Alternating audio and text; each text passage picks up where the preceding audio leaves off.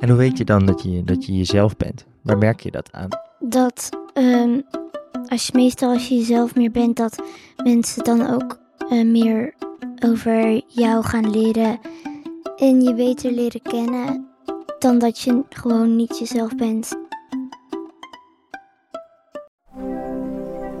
Leuk dat je luistert naar seizoen 2 van Juffen en Meesters op Regenboogles. Mijn naam is Jeroen Horvers, pedagoog en werkzaam bij belangenorganisatie COC. Paarse Vrijdag komt eraan. Dit seizoen spreek ik weer inspirerende en bevlogen gasten over onderwerpen als genderstereotypen, religie en discriminatie. Met natuurlijk als hamvraag: hoe creëren we een veilige schoolomgeving voor iedereen? En anders dan vorig jaar spreken we naast leerkrachten ook ouders, die bunken we fabels en vertellen leerkrachten over lesbrieven die ze zelf hebben getest. En dit natuurlijk allemaal in de hoop dat jij op en na Paarse Vrijdag niet alleen goed geïnformeerd bent, maar ook de tools in huis hebt om gesprekken te voeren over soms gevoelige onderwerpen.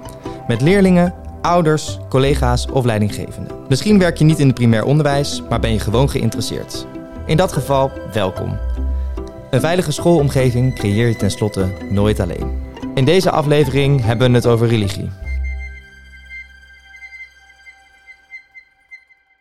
Diverse schoolomgeving betekent een voedzame bodem die je voorbereidt op het leven in een net zo'n diverse maatschappij.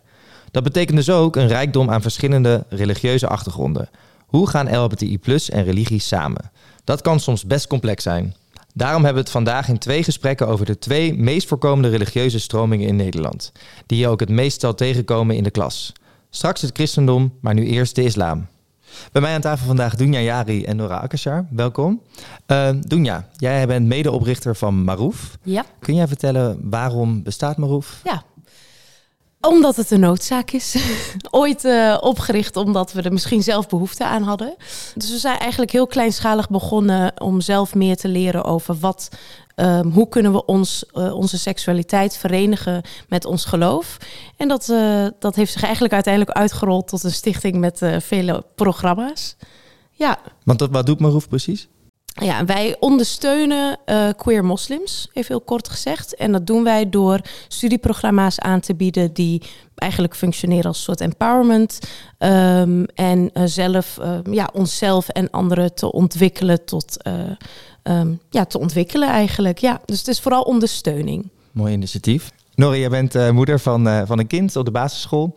En wat hoor jij terug over LBTI plus op het schoolplein? Ja, uh, ze is bijna acht en ze heeft zelf wel heel veel vragen. Uh, ze zit op een uh, christelijke school, um, waardoor ze dus thuis al heel, ja, dingen zegt als man en man, dat kan toch niet, vrouw en vrouw, dat kan toch niet. Dus ze krijgt dat wel mee. lentekriebels heeft ze niet zo lang geleden gehad en daarin was ik ook wel benieuwd, waar gaan we het over hebben als school. Um, daar hebben ze het best veilig gehouden, ook gezien de leeftijd. En ik moet zeggen dat ik uh, de school waar ze nu op zit, dat ik dat best wel fijn vind. En dat ik daar geen hele zorgelijke uh, dingen hoor. Maar ik hoor wel andere geluiden van andere scholen op andere schoolpleinen. Uh, maar gelukkig op de school van mijn kind gaat het er best ja, rustig aan toe. Want je hebt natuurlijk het schoolplein, maar wat ja. hoor je vanuit de islamitische gemeenschap qua vragen over seksuele genderdiversiteit op de basisschool? Ja, nou, la, laat me vooropstellen dat ik sowieso niet namens de islamitische gemeenschap spreek, Tuurlijk. maar voordat we dat krijgen. Ja, ik hoor heel veel uh, indoctrinatie. Uh, ze zijn aan het pushen, ze zijn een agenda aan het doordouwen. alles gaat nu in één keer over, over LHBTIQ, vergeet ik een letter, excuses. Maar, um, en, en, en waarom moet het al in groep 1? Waarom moet het al in groep 3? Nou, dat soort gesprekken. Ouders zijn, ouders zijn bezorgd. Uh, ouders zijn boos. Dat zijn de geluiden die ik krijg. En waarom vind jij het dan wel belangrijk dat het besproken wordt op de basisschool? Uh, omdat het een onderdeel is van de samenleving waarin we nu leven. Uh, je kan je niet veroorloven dat je straks een kind hebt wat, laten we zeggen, naar de middelbare school gaat, daar in contact komt met kinderen die dus anders zijn, om het zo maar even te zeggen. En dan niet weten hoe te reageren. Ik heb liever dat ik een kind heb ja, wat dat weet dat er verschillende soorten mensen zijn. Dat kan in kleur zijn, dat kan in, in geloof zijn, dat kan in cultuur zijn, maar dat kan ook in geaardheid zijn en ook in hoe iemand zich voelt. Um, en daarover het gesprek uh, te hebben. uh, ze ook niet zo'n zo'n verschrokken kind krijgen met alle gevolgen van dien. Uh, laten we eerlijk zijn, uh, mijn kind is, is hier geboren, maar heeft Marokkaanse roots, heeft islamitische roots. Dus per definitie um, is daar al een bepaalde, ja, een bepaalde label op. Dus vind ik het fijn dat mijn kind straks niet geschrokken reageert op, op dat soort verhalen of, of, of gesprekken met andere kinderen van haar leeftijd. En wat zou je andere ouders dan meegeven? Die misschien wel die zorgen en die angsten hebben? Nou, ik, ik snap die zorgen en die angsten ergens, omdat goed, ze kennen het niet. Of het, het is een ver van hun bedshow. Het is, oh, straks wordt mijn kind. Oh, de angst. Ik, ik hoor ook wel eens moeders die zeggen, nou, ik moet weg hier. Want uh, wat ze hier allemaal op school leren, dat uh, ik, ik ga terug naar, naar Turkije of naar Marokko. En ik denk, ja, daar zijn ze net zo gay. Maar mm -hmm. oké, okay. het is helemaal prima. Uh, maar die angst, die wordt niet, um, ouders worden daar niet, in niet gerustgesteld. Mm. Worden niet, um, ik wil niet zeggen niet serieus genomen, maar het lijkt wel heel erg alsof, ja, dit is nu eenmaal wat het is. We gaan dit doen en je hebt je er maar aan te schikken. Je hebt maar mee te gaan daarin. En dat vind ik soms wel een gemiste kans uh, uh, in het betrekken uh, van ouders. Ja, dat zou jouw advies ook zijn. Betrek ze Zeker, erbij. absoluut. En neem ze ook mee. En, en, en laat ze meedenken over lesstof bijvoorbeeld. Even heel, iets heel simpels. zet ze zelf voor de klas en confronteer ze met een kind wat zo is. achter de schermen. Van, joh, hè, dit is ook zo'n kind. En die speelt ook met jouw kind op het schoolplein zou jij dit kind nu pijn willen doen? Of uh, hmm. even, ja, het is misschien heel, heel, um, heel erg confronterend, maar je maakt het wel menselijk. En, en je brengt het dichtbij. Ja, dan wordt het geen symbool, maar inderdaad precies, de mens. Precies. En Doenja, jij bent naast uh, medeoprichter van Maroef ook trainer bij Radar. Dus jij verzorgt ook lessen hierover. Ja. Uh, wat kom je daar tegen? Herken je dingen die Nora ook zegt? Ja, zeker. En het is ook echt... Uh het is ook heel, heel erg per school verschillend wat Nora ook zegt. Dus um, zowel bij de leerlingen als bij de ouders, maar ook de directeuren, directie, hoe zij ermee omgaan. Uh, er zijn, ik heb directeuren gesproken die zeggen: ja, uh, ouders houden hun kind thuis, maar dat mag niet, want leerplicht. En ze moeten er maar mee dealen. Uh, er zijn andere scholen die juist heel erg bijvoorbeeld schikken naar ouders en zeggen: nou, dan gaan wij er niet mee bezig of wij veranderen iets, want de ouders willen. Maar ik, heb, ik moet heel eerlijk zeggen dat ik, en ze zullen er vast zijn, dat wil ik ook als disclaimer geven. Maar ik voel nog niet heel erg die wederkerigheid, dat gesprek. Um, enige wat een beetje dichtbij komt is dat er scholen zijn die oude kamers verzorgen, noemen ze dat. Dat heb je niet overal in Nederland. Um, maar dat zijn dus uh, ouders brengen hun uh, kind naar school s ochtends. Ik moet heel eerlijk zeggen, veelal moeders. Um, en die uh, blijven dan even met elkaar een kopje koffie drinken. En de school verzorgt soms een gastspreker. En dat kan de GGD zijn, dat kan de brandweer zijn. dat kan iemand van de verzekering zijn, dat is heel verschillend. maar soms word ik uitgenodigd als, vanuit het antidiscriminatiebureau. Mm -hmm. En dan verzorg ik een voorlichting over discriminatie, maar een grond is seksuele gerichtheid. En daar hebben we het altijd over. Dat is iets wat we nooit overslaan. Dus we, um, dan worden er heel erg ervaringen gedeeld van wat maken de ouders mee. Dus je gaat een beetje in elkaars, ja, je gaat iets gevoeligs aanstippen. En dan kom je toch ook op dit onderwerp. En omdat er, ja, wat heel belangrijk is, is die veilige sfeer, hè, zoals we die allemaal kennen, die safe space creëren. Um, en vervolgens is dat best wel een goed thema om te bespreken waar ouders echt wel over willen praten. En waarin ze ook hun zorgen uiten. En, en soms zijn het gewoon eigen, echt hun eigen zorgen. Dus niet eens per se. Soms wordt het vertaald naar het kind, maar het gaat om hun eigen vragen. Zo wil ik mhm. het zeggen. Maar ik zal je zeggen, ik heb ook genoeg ouders gezien waar ik misschien een aanname over zou hebben van nou, dat, dat zal moeilijk liggen. En die echt op een ja, super open, positieve manier reageren van oh nee hoor, helemaal geen probleem. En mijn kind, ik wil dat mijn kind hierover aanklopt bij mij en ik wil me hierin verdiepen. En dus er zijn ook heel veel positieve geluiden, alleen helaas horen wij die niet uh, vaak genoeg. Nee, precies. En ook eigenlijk dat, wat ik nu ook hoor, is dat ouders eigenlijk vragen hebben en misschien dat die onzekerheid ook maakt dat ze wat meer controle willen hebben. Wat voor advies zou je dan geven aan scholen van wat moeten zij regelen, bijvoorbeeld voor Paarse Vrijdag voordat het georganiseerd wordt? Ik denk dat die investering al ver voor die Paarse Vrijdag ja. begint. Je kunt niet ouders in één keer vragen: hey, Paarse Vrijdag, kom.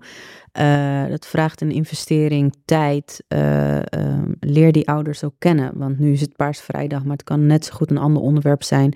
Huiselijk geweld vind ik ook een hele interessante thema. mentale gezondheid, ook interessant. Um, investeer in het contact met die ouders. Hou het niet bij die ene brief. Hou het niet bij die ene mail of app via, via zo'n Paro-app, hoe dat ook heet.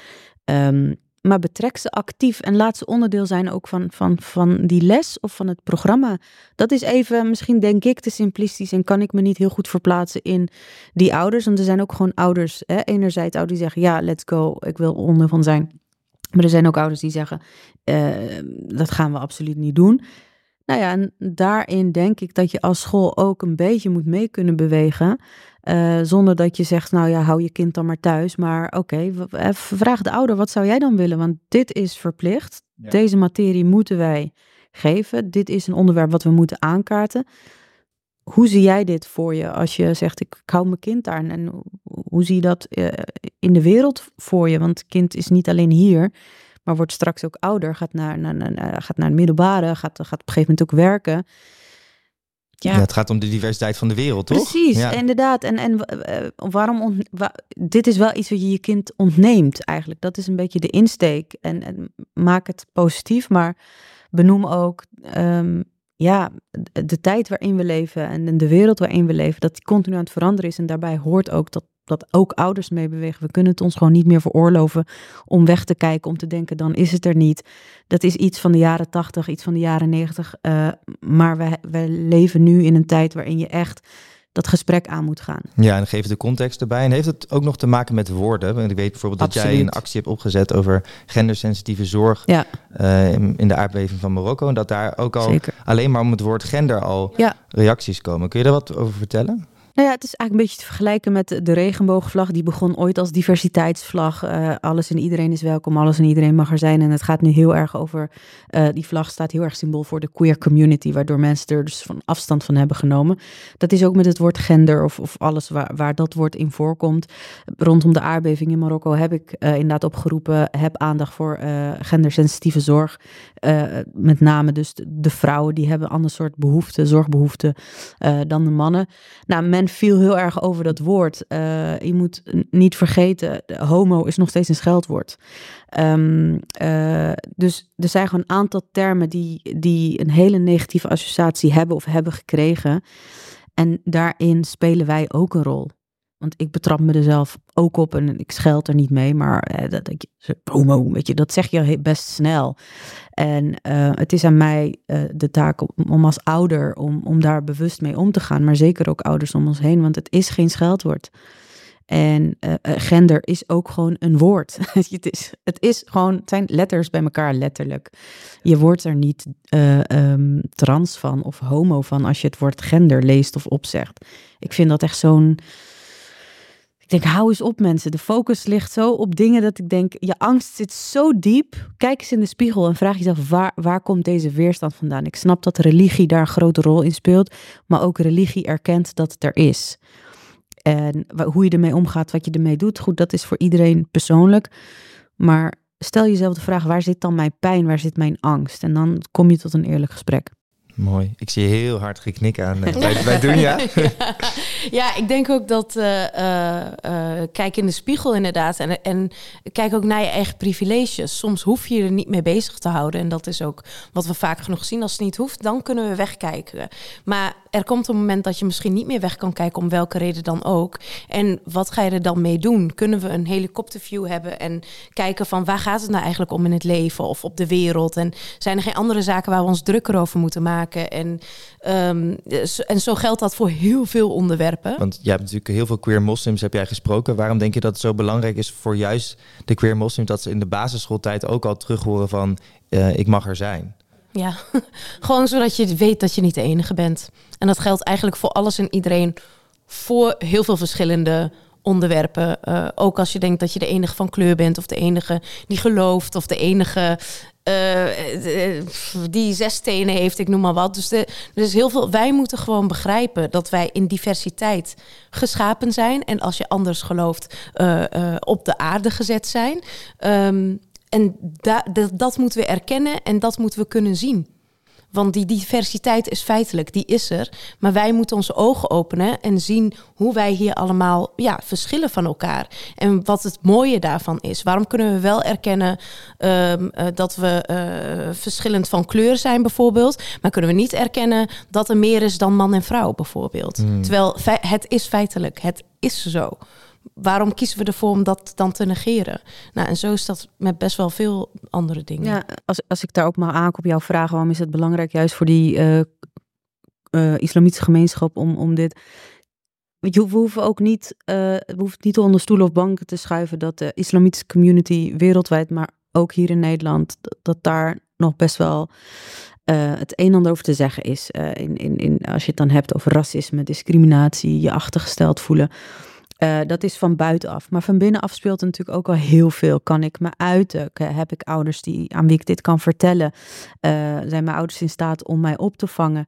Dat, zijn, dat is een gevecht wat je op twee fronten, misschien op meerdere fronten al aan het voeren bent als kind, als, als, als jongvolwassene, als jongere. Als...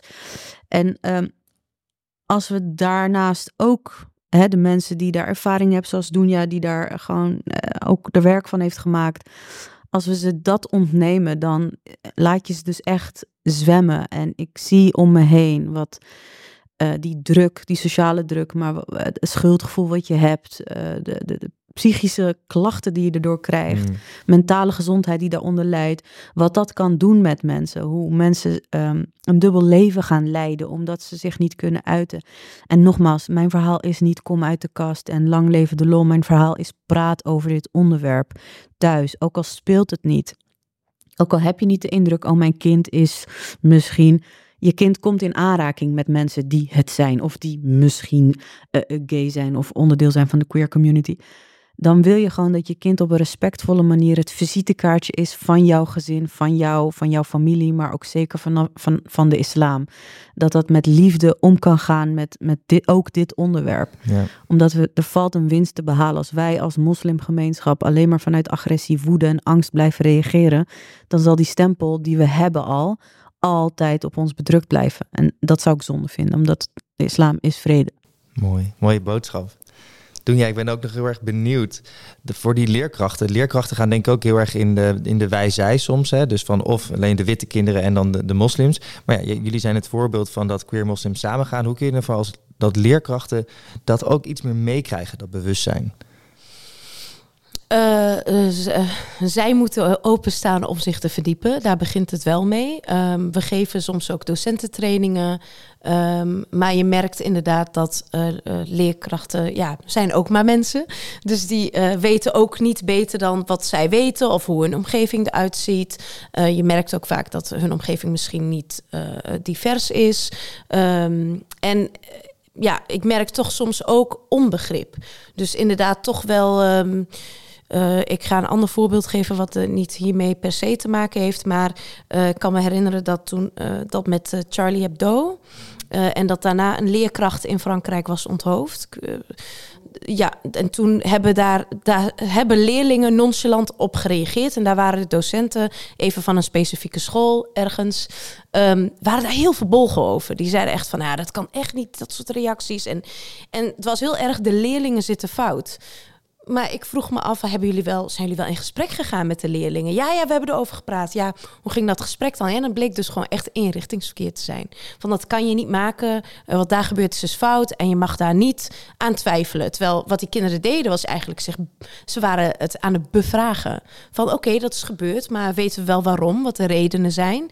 Dus ik merk dat dat eigenlijk nog best wel eens uh, schort in het onderwijs. Dat er niet per se wederzijds begrip is. En ja, dat geldt voor, voor queer thema's ook. En laten we ook vooropstellen dat niet alle docenten erachter staan om dit thema te bespreken. Uh, zelf ook, ook handelings, ja, ja, handelingsonbekwaam of zelfs verlegen zijn. Ja. Dankjewel. Heb je nog, eh, daar ben ik ook nog heel benieuwd naar, de meest waardevolle reactie die je hebt gehad van, van een, een basisschoolleerling als je deze thema's bespreekt? Oeh, dat is een lastige. Ik denk, ik denk dat het een beetje de algehele impressie is elke keer weer als ik in een klas sta. Dat is voor mij ook, uh, voor mij is het ook heel belangrijk om dit uh, af en toe te blijven doen. Uh, ik heb ook andere projecten lopen, maar ik wil gewoon af en toe in de klas staan, omdat mij echt hoop geeft. Um, leerlingen halen hun schouders bij op. Ik word gecorrigeerd. juf, wilt u geen pronouns zeggen? Oh, weten jullie wat dat is dan? Ja, oh, leg maar uit dan. Ja, dan weten ze. Ehm, de term LHBT ehm, spreken ze uit als LGBT, de Engelse variant. Dus ook al hebben wij het er niet over, ze gaan het internet op en ze vinden wat ze willen vinden. Vandaar dat ze ook heel erg bekend zijn met Engelse termen en niet met Nederlandse termen. Dus altijd vind ik altijd heel grappig. Ehm, eh, dus ik vind het überhaupt waardevol om zo'n relaxte houding te zien. Uh, maar dat ze toch heel leergierig zijn. Dus ik heb het dan bijvoorbeeld vooral over uh, antidiscriminatiewetgeving dan bijvoorbeeld. Dus dan hebben we het over wat is een wet eigenlijk. Dus het is eigenlijk wordt het ook een beetje weggetrokken bij seksualiteit. Het gaat eigenlijk gewoon over zijn. Uh, en ja, ik hoor eigenlijk altijd terug dat kinderen verbaasd zijn dat er bijvoorbeeld ook een loonkloof is. Of ja, dat vinden ze echt bizar. Dus dan, uh, ja, soms hou ik mijn hart vast van, oh, jullie moeten de echte wereld nog ontdekken. maar uh, het is echt heel hoopvol. Dat, dat wil ik wel echt uh, meegeven. Nou, laten we dat vooral vasthouden. Ja. Heel erg bedankt voor jullie bijdrage. Jij bedankt. Jij ook bedankt.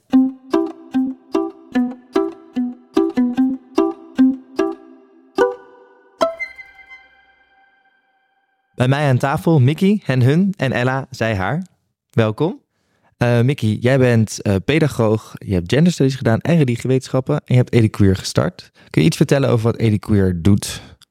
Nou, we helpen onderwijzers en hulpverleners uh, meer kennis te maken met alles queer. Zodat ze de juiste handvaten hebben voor als ze cliënten, leerlingen en studenten tegenkomen die LHBTQIA zijn. En ook gekoppeld aan religie? Of? Ja, ja, ik heb specialisatie in religie. En je ziet toch dat de vraagstukken in de klas met name over religie gaan. Tof, komen we zo op terug. Ella, jij bent alleenstaande moeder van drie kinderen met een donor die zelf homo is. Hoe werd daarop op gereageerd, ook vanuit de christelijke hoek? Nou, dat vonden mensen in het begin wel lastig. Ja? Dat is nu 13 jaar terug. Toen was, was de queer gemeenschap nog minder goed geïntegreerd in de kerk, denk ik. Dus mensen vonden dat ingewikkeld, ja. Was je hierdoor verbaasd of verwachtte je dat wel een nee, beetje? Nee, dat verwacht ik wel. Ja. ja. En zie je daar ook een, wel een verandering in de ja. christelijke gemeenschap? Ik heb het idee dat we steeds vaker uh, durven verbinding te maken met mensen die queer zijn. Dus dat we ze werkelijk durven aankijken. En uh, daarmee leren we ons ook in hen, hen te verplaatsen. Dus dan wordt het een stuk lastiger om iemand te veroordelen met een soort regeltje of zo. En dat gebeurde, nou, zo zeker tien jaar geleden veel meer, denk ik. Ja, want voor, je, voor jouzelf, dat rijmde met jouw geloofsovertuiging.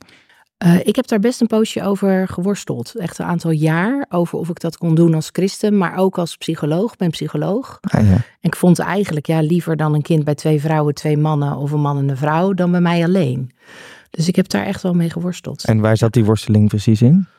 Nou, dat ik dacht, het is toch minder goed voor een kind als het niet een vader en een moeder heeft, of niet een moeder en een moeder. In je eentje ben je kwetsbaar. Dus als er wat met mij gebeurt, wat moet ik dan met die kinderen? Of wat moet er dan met die kinderen? Ja, wat heb je dan toch over de streep getrokken? Uh, heel eerlijk, dat ik gewoon een enorme kinderwens had. En um, voor mijzelf, spiritueel ook wel, uh, uiteindelijk de overtuiging die ontstond dat het goed was om dit te doen. Hm. Dat, dat God daar niet een oordeel over had. Mooi. En Mickey, wat zegt de Bijbel hier eigenlijk over? En is dat volgens jou relevant überhaupt? Nou, wat de Bijbel erover zegt is niet heel eenduidig. Um, dat zie je ook in de manier waarop er in religieus Nederland of christelijk Nederland gesproken wordt over queer zijn, regenbooggezin zijn, de familie is hoeksteen van onze samenleving. Um, dat verschilt heel erg, dus je kan geen eenduidig antwoord geven. Uh, maar dat het relevant is, dat zeker. Dat zie je in politiek, je ziet het terug in de kerken. Ik zie het terug in mijn werk. Ik word steeds meer uitgenodigd om te praten juist over dit onderwerp, omdat er kennis mist, maar ook mensen zien dat LBT'ers de kerk verlaten, dat mensen toch het moeizaam te verbinden vinden met hun eigen geloof. En ik zie wel dat daar vraag naar is en dat mensen er open over zijn om er gesprekken over te voeren. En welke vragen komen bij jou? Um, van alles. Dus ja, we zeggen wel dat LBT'ers welkom zijn in onze kerk. Maar hoe doen we dat nou praktisch? Dat is een vraag die veel voorbij komt. Maar ook, ja, er zijn ook mensen die vinden dat het zondig is. Hmm. Hoe gaan we daarmee om? Hoe voeren we een gesprek? Hoe komen we tot elkaar? En dat is wel een bepaalde hoek van christelijk Nederland waar ik in ieder geval wel welkom ben. Want ja, ik kan niet in elke hoek komen praten omdat ze weten daar, waar ik ergens voor sta, waar zij niet, dat zij niet met mij delen. Ja, precies. Daar is wel in ieder geval een soort van een brug. En dan word jij uitgenodigd. En hoe ga je dat gesprek dan aan? ligt heel erg per gemeente ook aan de vraag. Dus als de vraag is, uh, we zeggen dat we welkom zijn, hoe doen we dat nou praktisch? Dan ga ik eigenlijk aan de slag met, hey, ken je een LBT in je omgeving? Kan je hier iets over vertellen? Dus ik begin altijd bij het eigen persoonlijke. Want als het alleen maar theologisch wordt, kunnen mensen er heel goed afstand van houden. Hmm. Maar als je begint met, hey, kan je iets over deze persoon vertellen? Wat heeft je daarin geraakt? Waarom ben je vandaag hier? Dan heb je een heel ander gesprek. En dat is eigenlijk altijd mijn startpunt. Om vanuit het menselijke te beginnen en de Bijbel, dat komt altijd wel. Dus dat zou ook jouw advies zijn naar leerkrachten toe, als het bespreekbaar moet worden gemaakt op de basisschool? Zeker. Ja, ik ben altijd voorstander van het menselijke opzoeken. Want zoals ik al zeg, de Bijbel is niet eenduidig. Dus je kan naar elkaar gooien met Bijbelstukken eigenlijk. Eh, maar daar kom je niet verder mee, want je komt niet echt tot een gesprek. En als je begint bij, hey, wie ben jij? Hoe ben je relatie tot de ander? Dan kom je daar vaak wel. Mooi. En Ella, hoe zie je dat terug uh, op, de, op de basisschool zelf? het bespreekbaar maken van uh, seksuele genderdiversiteit uh, op christelijke scholen?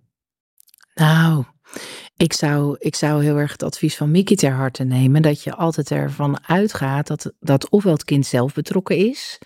Uh, het kind hoeft niet per se zelf homo of lesbisch of weet ik het te zijn. Maar ze hebben altijd wel een oom of een tante of, of nou, in mijn geval van mijn kinderen een vader mm die queer is. Uh, en in het bespreken kun je een kind dus ook in een hele lastige positie brengen als je daar heel erg stelling neemt. Dus ik denk dat je veel beter stelling kunt nemen, niet over is dit nou goed of fout, maar veel meer stelling kunt nemen over in respect met elkaar omgaan, de ander proberen te begrijpen. Um, begrijpen hoe het is om in een groep te horen die in de minderheid is. Hm. Nou, dat zullen heel veel kinderen herkennen, omdat ze misschien wel de kinderen met de beugels zijn, of de kinderen met sproeten, of de lange kinderen, of de dikke kinderen. Um, dus ik zou, ja, heel erg wat Mickey zegt eigenlijk. Ja, en wat, als er een leerkracht of een ouder is die hier uh, tegen is, op welke manier zou jij dan het gesprek uh, aangaan? Nou, ik zou in ieder geval nooit een gesprek nemen waarin je stelling inneemt. Want dan krijg je tegenover elkaar, vanuit je eigen loopgraaf, elkaar bevechten. En dat wordt niet veiliger voor de ouder en ook niet voor de leerkracht. Ik zou veel eerder weer eh, bevragen. Vraag maar gewoon. En, en hoe komt het dat je deze ideeën hebt? Of, of waarom is het zo spannend voor jou dat we het erover gaan hebben op school? Ja, precies. En als Paarse Vrijdag dan bijvoorbeeld wordt gevierd, zouden jullie dan ook adviseren uh, dat hoorden we eerder terug ook bij de gedeelte van de islam, om juist ook een ouderavond uh, te organiseren, uh, zodat ouders ook meer vragen kunnen stellen? Of hoe kijken jullie ernaar? Nou, dat vind ik een ingewikkelde vraag. Um, omdat ik kom veel op Paarse Vrijdag op scholen, geef ik ook les aan de leerlingen. En er was een school die had expres niet gedaan. Wel alle informatie gegeven van, joh, we gaan hiermee aan de slag. Er gaat iets gebeuren. Er komt een expert. En zij, de docenten werden getraind. En ik kwam dus ook voor de uh, leerlingen terug. En toen werd er wel ochtends gebeld, zo van waarom wisten we dit niet? Want hun ervaring was wel, als ze het melden en een ouderavond deed, dat ook veel kinderen thuis gelaten werden of thuis gehouden. Hmm. Terwijl het juist belangrijk is om de hele groep mee te krijgen en dan die ingewikkelde gesprekken te voeren. Omdat leerlingen krijgen, of ja, jongeren of kinderen, krijgen ook maar mee wat hun ouders ervan vinden. En als dat het enige geluid is wat je hoort, dan mis je een heel groot gedeelte. Ook wat je samen als school hebt, als klas, um, opbouwt als je op zo'n dag thuis gehouden wordt. Um, mochten scholen kiezen om het wel te doen, dan raad ik eigenlijk altijd aan om een expert van buiten in te vliegen. Omdat een kans dat je toch een padstelling krijgt, tegenover elkaar gaat staan, dat um, krijg je zo'n relatiebreuk met ofwel ouders of en daardoor ook kinderen. Dat wil je eigenlijk niet. Hm. En dan is het handiger om iemand die buitenaf staat, dat uh, doordacht heeft. Um, de kans bijvoorbeeld dat ik een argument nog nooit gehoord heb, is echt nihil. En anders zijn ze echt fantastisch. Ik geniet daarvan. Dat je nog ergens bij je komt dat ik denk, wauw, dit is of heel goed doordacht soms. En dan zeg ik, joh, wat heb je dit mooie doordacht? Mag ik daar vragen over stellen?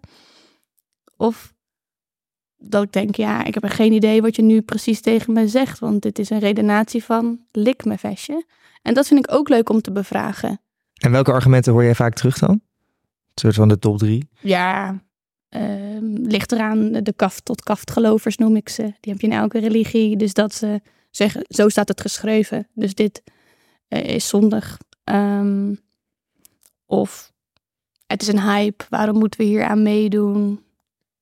En gewoon heel veel mensen die denken dat het ook iets van zichzelf vraagt en daar angstig door zijn. Hm, Ja, die onzekerheid ook. Ja. En, en over die hype, wat, wat, wat geef jij dan voor een antwoord? Oh, het is zeker geen hype. Ik hou graag het voorbeeld met linkshandigen naar boven. Dus dat je mocht lang niet linkshandig zijn. Er waren geen linkshandigen op school.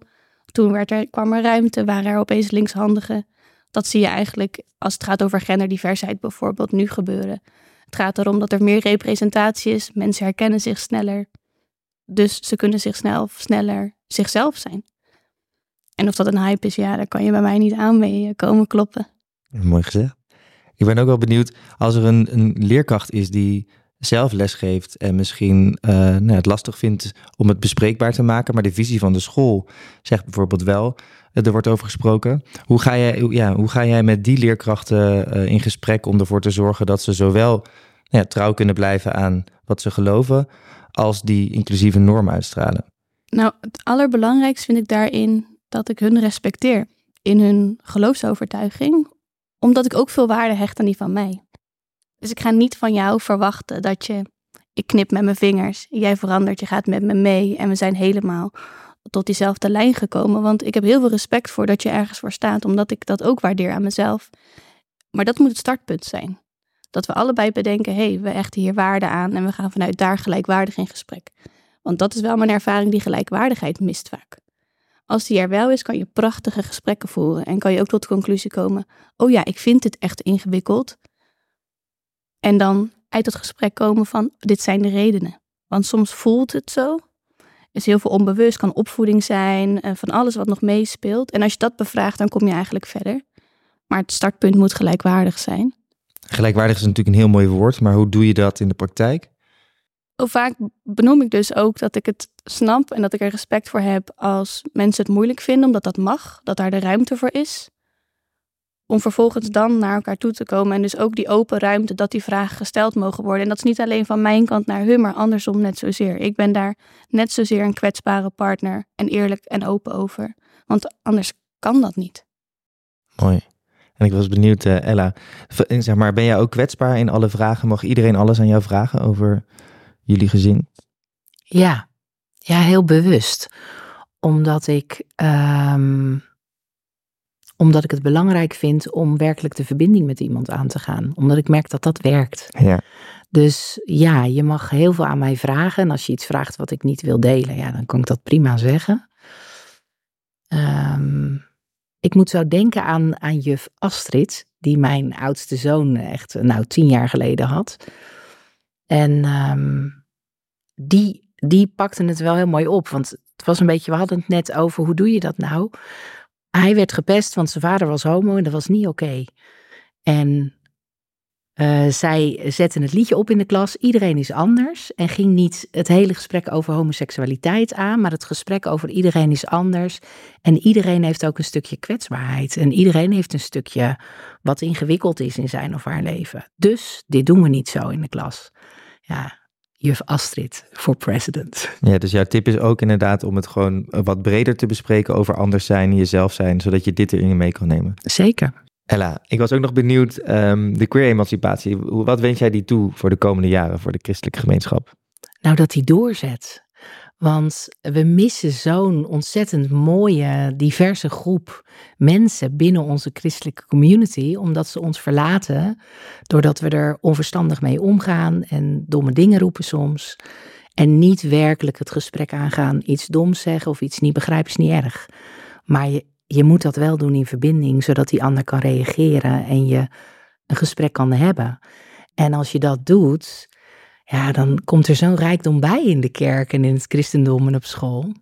Ja, dus hou die kerkdeur open. Ja, heel wijd. Ja, mooi. Mickey, ik zag je ook eh, druk knikken. Ja, ik sluit me helemaal aan. En Er is eh, iemand die ik gesproken heb, Anne, en die zei: ehm, Ik denk dat de kerk veel kan leren van LHBTI'ers.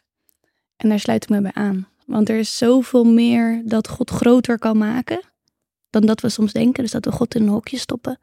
En ik denk dat je daar veel van kan leren. En dat rolt door in onderwijs en vele plekken waar dit nodig is om, om daarnaar te kijken over wat betekent geloof nou eigenlijk? En hoe gaan we dat samen doen?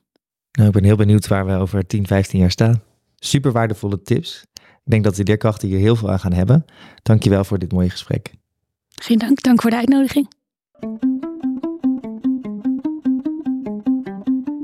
Attentie, attentie. Het is weer tijd voor Diep, diep, diep,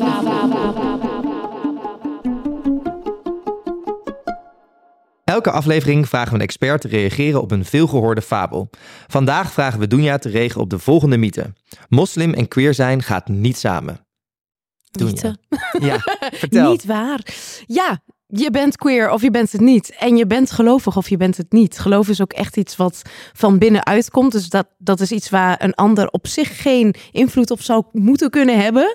Ehm, en queer zijn ook niet. Dat is wie je bent. En gelovig zijn, en in dit geval moslim zijn, is wie je bent. Het is onderdeel van je identiteit. Het is iets wat van jou is.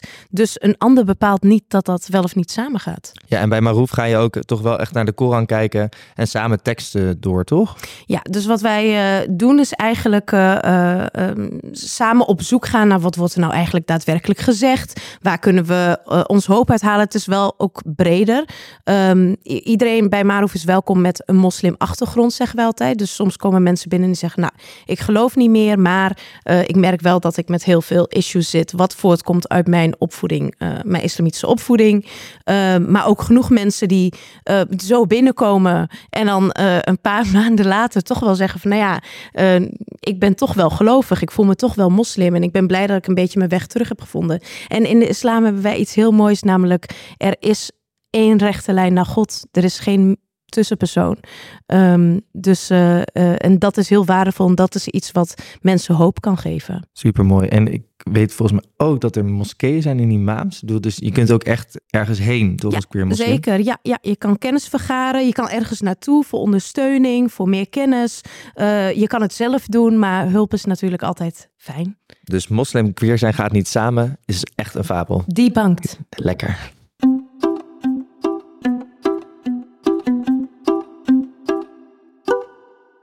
Iedere aflevering hebben we een leerkracht eh, in de podcast die een Paarse Vrijdag lesbrief heeft getest. Vandaag Lisa. Dus Lisa, ik zou aan je willen vragen, wil je even voorstellen? Eh, waar geef je les? Ja, dat wil ik wel. Eh, nou, ik ben dus Lisa en ik woon en werk in Utrecht op een hele mooie school die de Jules Verne heet. Ik werk in een groep 1, 2, 3 combinatie en daar heb ik het heel erg naar mijn zin. Helemaal top. En voordat we het over de lesbrief gaan hebben, wil ik vooral ook van jou weten van waarom ben je eigenlijk het basisonderwijs ingegaan? Zelf ehm, heb ik niet eh, echt dat gevoel gehad vroeger van het is mijn roeping of zo. Maar het leek me wel een hele leuke opleiding, de PABO. En dat eh, vond ik eigenlijk, eh, dat bleek ook zo te zijn. En na de PABO wist ik nog steeds niet van ga ik nou wel of niet voor de klas. Maar toen ben ik het toch maar gaan proberen. En inmiddels een paar jaar verder, ik vind het echt superleuk. Ik weet niet of ik het voor altijd blijf doen, maar voor nu wel. Dat hoeft ook niet. Superleuk dat je het nu vooral erg leuk vindt. Eh, en ik ben ook heel erg benieuwd, wat is nou de leukste of de liefste opmerking die je van kinderen hebt gehoord eh, over het thema familiediversiteit, seksuele genderdiversiteit? Ehm, vorig jaar was er een, eh, een kind en die had aan de start van Paarse Vrijdag nog een beetje moeite met. Ze had zelf niet zo heel veel moeite met Paarse Vrijdag, maar eh, dat had ze thuis wel eh, gehoord, dat het wat lastiger eh, was. En ze wilde eigenlijk helemaal in het paars komen, want ze vond mij zo lief en ik had ook een vriendin, dus ze wilde wel in het paars komen. Dat mocht uiteindelijk niet. En toen op de dag zelf, toen hadden we die mooie regenboogvlaggetjes van, van het pakket. En toen had ik de kinderen uitgelegd wat dat betekent. En toen zei ik dat ik dat op ging doen, omdat ik dat paste bij mij. En toen zei ze van, ja, ik wil dat ook, eh, want eh, ik mag mezelf zijn en jij mag ook jezelf zijn. Zo mooi. Ja, echt Ja. super lief. En voor de rest, wat ik ook altijd nog leuk vind, is als kinderen, als het gaat om twee vrouwen of twee mannen, dat er dat ik merk dat door, door het jaar heen, omdat ik er best wel veel over praat, dat er dan op een gegeven moment zo'n punt komt dat kinderen heel erg hard door de klas gaan roepen. als ik daar weer over begin, dat ze dan heel hard gaan roepen, dat kan, dat kan. Vind ik schattig, ja. Dus die kinderen die laten het je in ieder geval wel weten Ja, dat je er mag zijn. ja zeker, absoluut. Mooi om te horen. absoluut. Dan gaan we het over de lesbrief hebben. Want ik ben heel erg benieuwd, eh, welke lesbrief eh, heb jij getest? Ja. Kun je daar wat meer over vertellen? Ik had de lesbrief Kleuren met Lef. Er waren een aantal kleurplaten, vijf kleurplaten om precies te zijn. Heel verschillend en divers. Aan de hand van die kleurplaten gaf ik dan de les. Ehm, daar hoorden ook verhaaltjes bij. Eh, aan het begin van de dag eh, had ik de kleurplaten op het digibord gehangen. Mhm. Eh, zodat ik dacht, dat is ook wel leuk. Dan als de ouders binnenkomen, kunnen ze het ook gewoon gelijk zien. Ehm, daar kwam overigens niet heel veel reactie op. Gewoon de kinderen gingen gewoon met hun ouders naar die tekeningen kijken. Toen begon ik eigenlijk in de kring van, nou, ik heb hier wat opgehangen en eh, kunnen jullie zien wat het allemaal is? En eh, nou, een aantal kinderen begonnen gelijk van, oh ja, ze zijn aan het voetballen of oh, Hmm. ballet. En dus dat sprong er wel gelijk uit. En nou, toen ging ik gewoon even alle kleurplaten met ze bekijken. Er was dus ehm, ook een kleurplaat met eh, twee vrouwen, waarvan er één zwanger was en nog een kindje erbij. En toen zei ik van, hé, hey, en wat, eh, wat is dit dan eh, voor kleurplaat? En toen zei zo'n kind van, ja, dat is een gezinnetje. Toen keek hij ze nog een keer, toen zei hij, oh, het zijn twee vrouwen. Nou, en toen was het een klein beetje gegiebel in de klas, maar eigenlijk ook wel gewoon van, nou, prima. En toen begonnen inderdaad een aantal kinderen van, nou, mijn mama is ook zwanger. En ja, Dus ook die herkenbaarheid ook. Ja, precies. Dus dat was eigenlijk eh, heel leuk. En ehm, ja, de lesbrief gaf eigenlijk aan dat we dan eerst eh, gingen kleuren en dan daarna de verhaaltjes erbij gingen vertellen. Ik heb er uiteindelijk zelf voor gekozen om de verhaaltjes eigenlijk aan het eind van, van het praten met de kinderen, om die verhaaltjes ook alvast voor te lezen. Maar wat ik gewoon heel mooi vond, was dat de kinderen, die hadden gewoon eigenlijk zoiets van, ja, dit is gewoon wat het is. En ehm, ja, dat was dan, ik kan ook wel even langs alle kleurplaten lopen. Ja, misschien zeker. Ik was leuk wel benieuwd om, dat, eh, om daar iets over te horen. Maar er was één kleurplaat met eh, drie kinderen die ballet aan het doen waren, waarvan twee eh, meiden waren en één jongen. Toen was er wel even een moment waarop de kinderen dan een soort van moesten lachen, omdat ze dan zeiden van ja, dan heeft hij ook roze aan. Terwijl de kleurplaat heeft, had nog geen kleur De natuurlijk. kleurplaat had Nee. geen kleur, dus. maar dat, dat was in hun hoofd zo. Dus toen. En daar hebben ze natuurlijk ergens ook wel. Ik zei van, hoe, hoezo denk je dat? En toen zeiden ze, ja, maar balletplakjes zijn vaak roze. En toen dacht ik, nou, dat, dat snap ik dan wel. Maar toen zei ik van, ja, is dat dan echt... Moet dat dan echt roze zijn? En, en mogen jongens ook roze dragen? Nou, toen was het uiteindelijk wel van, ja, mm, dat is eigenlijk ook wel ja, prima. Ehm, en eh, met het voetballen, dat was, daar gingen heel veel kinderen op aan. Er waren dan eh, drie kinderen aan het voetballen. Ehm, waaronder ook één iemand met een hoofddoek. En eh, volgens mij een meisje en een jongen. Ik weet het even niet meer precies uit mijn hoofd. Ehm, er was gewoon kinderen die van voetbal hielden, vonden die tekening gewoon het allermooist. Dat maakte totaal niet uit eh, welke kinderen op die tekening stonden. Dus dat vond ik ook wel heel erg leuk. Eh, en dan was er ook nog een soort skate tekening met kinderen met een zo'n soort ouderwetse radio en een skateboard. En die, ja, dat, daar vonden ze van, dat waren dan stoere kinderen. Maar die vonden ze verder niet super interessant bij mij in de klas. Het was, eh, ja, daar voelden ze zich niet helemaal mee verbonden.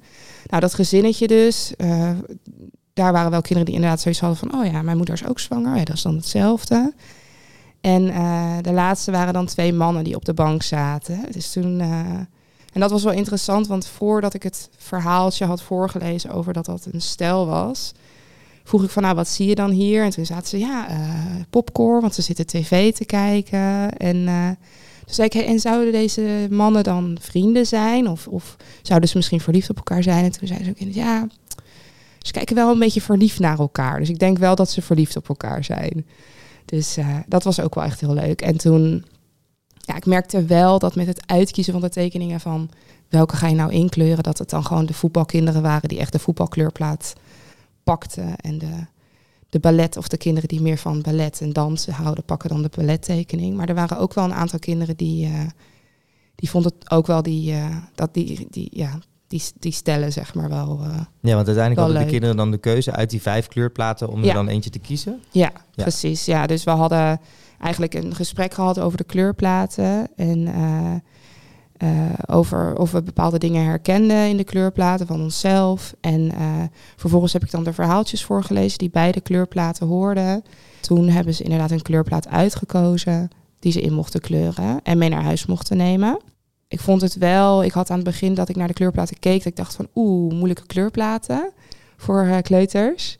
Maar ja, dat was dan niet bij iedereen even netjes ingekleurd, maar dat maakte dan ook eigenlijk helemaal niks uit. Dus ze vonden het wel heel leuk in ieder geval. Ja, ja dus de reacties van de kinderen die waren enthousiast? Ja, ja, zeker. En ik vond het ook gewoon heel leuk om er op die manier over te praten met de kinderen. Gewoon aan de hand van die kleurplaten.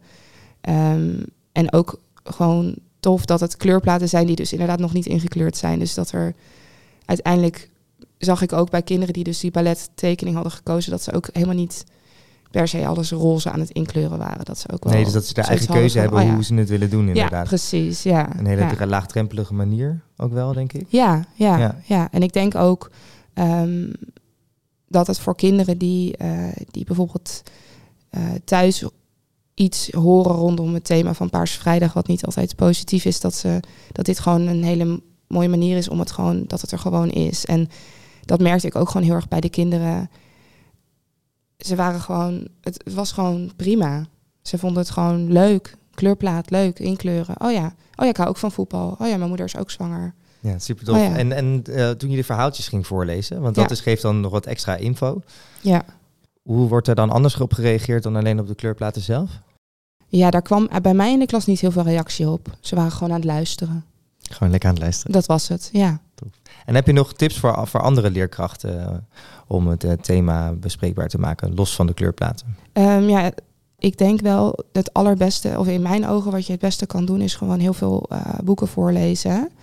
En um, als er op school niet heel veel boeken zijn, dan kan je altijd ook naar de bibliotheek gaan. Maar ik denk dat prentenboeken. En er zijn ook echt hele mooie prentenboeken die niet alleen voor, onderbouw, voor de onderbouw is. Dat prentenboeken gewoon uh, een heel mooi gesprek kunnen openen bij kinderen. Of bijvoorbeeld gedichtjes, gedichtenbundel van Pim Lammers of zo. En van daaruit uh, ja, daar verder eh, met de kinderen over praten. Of als je het lastig vindt om erover te praten, gewoon een boek voorlezen. En ja, dat is al gewoon iets, denk ik, een heel mooi begin. Nou, super waardevolle tip. Dankjewel dat je hier vandaag was. Ja, heel bedankt. En uh, naar een mooie Paarse Vrijdag. Dankjewel. We zijn er elke week in aanloop naar Paarse Vrijdag. Je vindt ons in je favoriete podcast-app. Volg juffen en meesters op regenboogles om de volgende niet te missen. En natuurlijk versier de schoolpaars op 8 december. En laat zien dat iedereen zichzelf mag zijn. En dat niemand gepest of uitgesloten mag worden om wie die is. Bedankt voor het luisteren. Deze podcast werd geproduceerd door Crowdale voor COC Nederland. Soms voel je je verlegen en soms voel je je cool. Vandaag hou je van voetbal en volg je je gevoel. En morgen kan het weer anders.